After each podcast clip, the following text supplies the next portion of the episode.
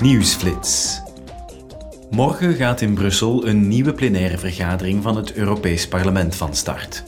Voorzitter Roberta Metsola zal bij de opening van de vergadering de ramp van het Rana Plaza in Bangladesh gedenken.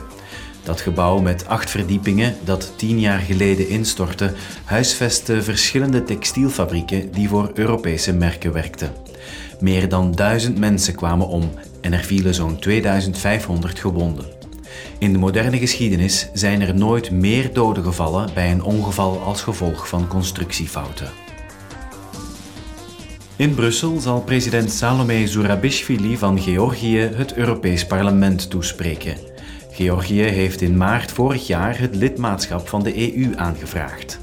Een jaar geleden zei de Europese Raad het land de status van kandidaat-lidstaat te willen verlenen zodra het werk heeft gemaakt van de prioriteiten in het standpunt van de Commissie. Morgen houdt de Commissie Economische en Monetaire Zaken een vergadering als voorbereiding op de zogenoemde monetaire dialoog van morgen. Tijdens die dialoog gaan parlementsleden in gesprek met de president van de Europese Centrale Bank.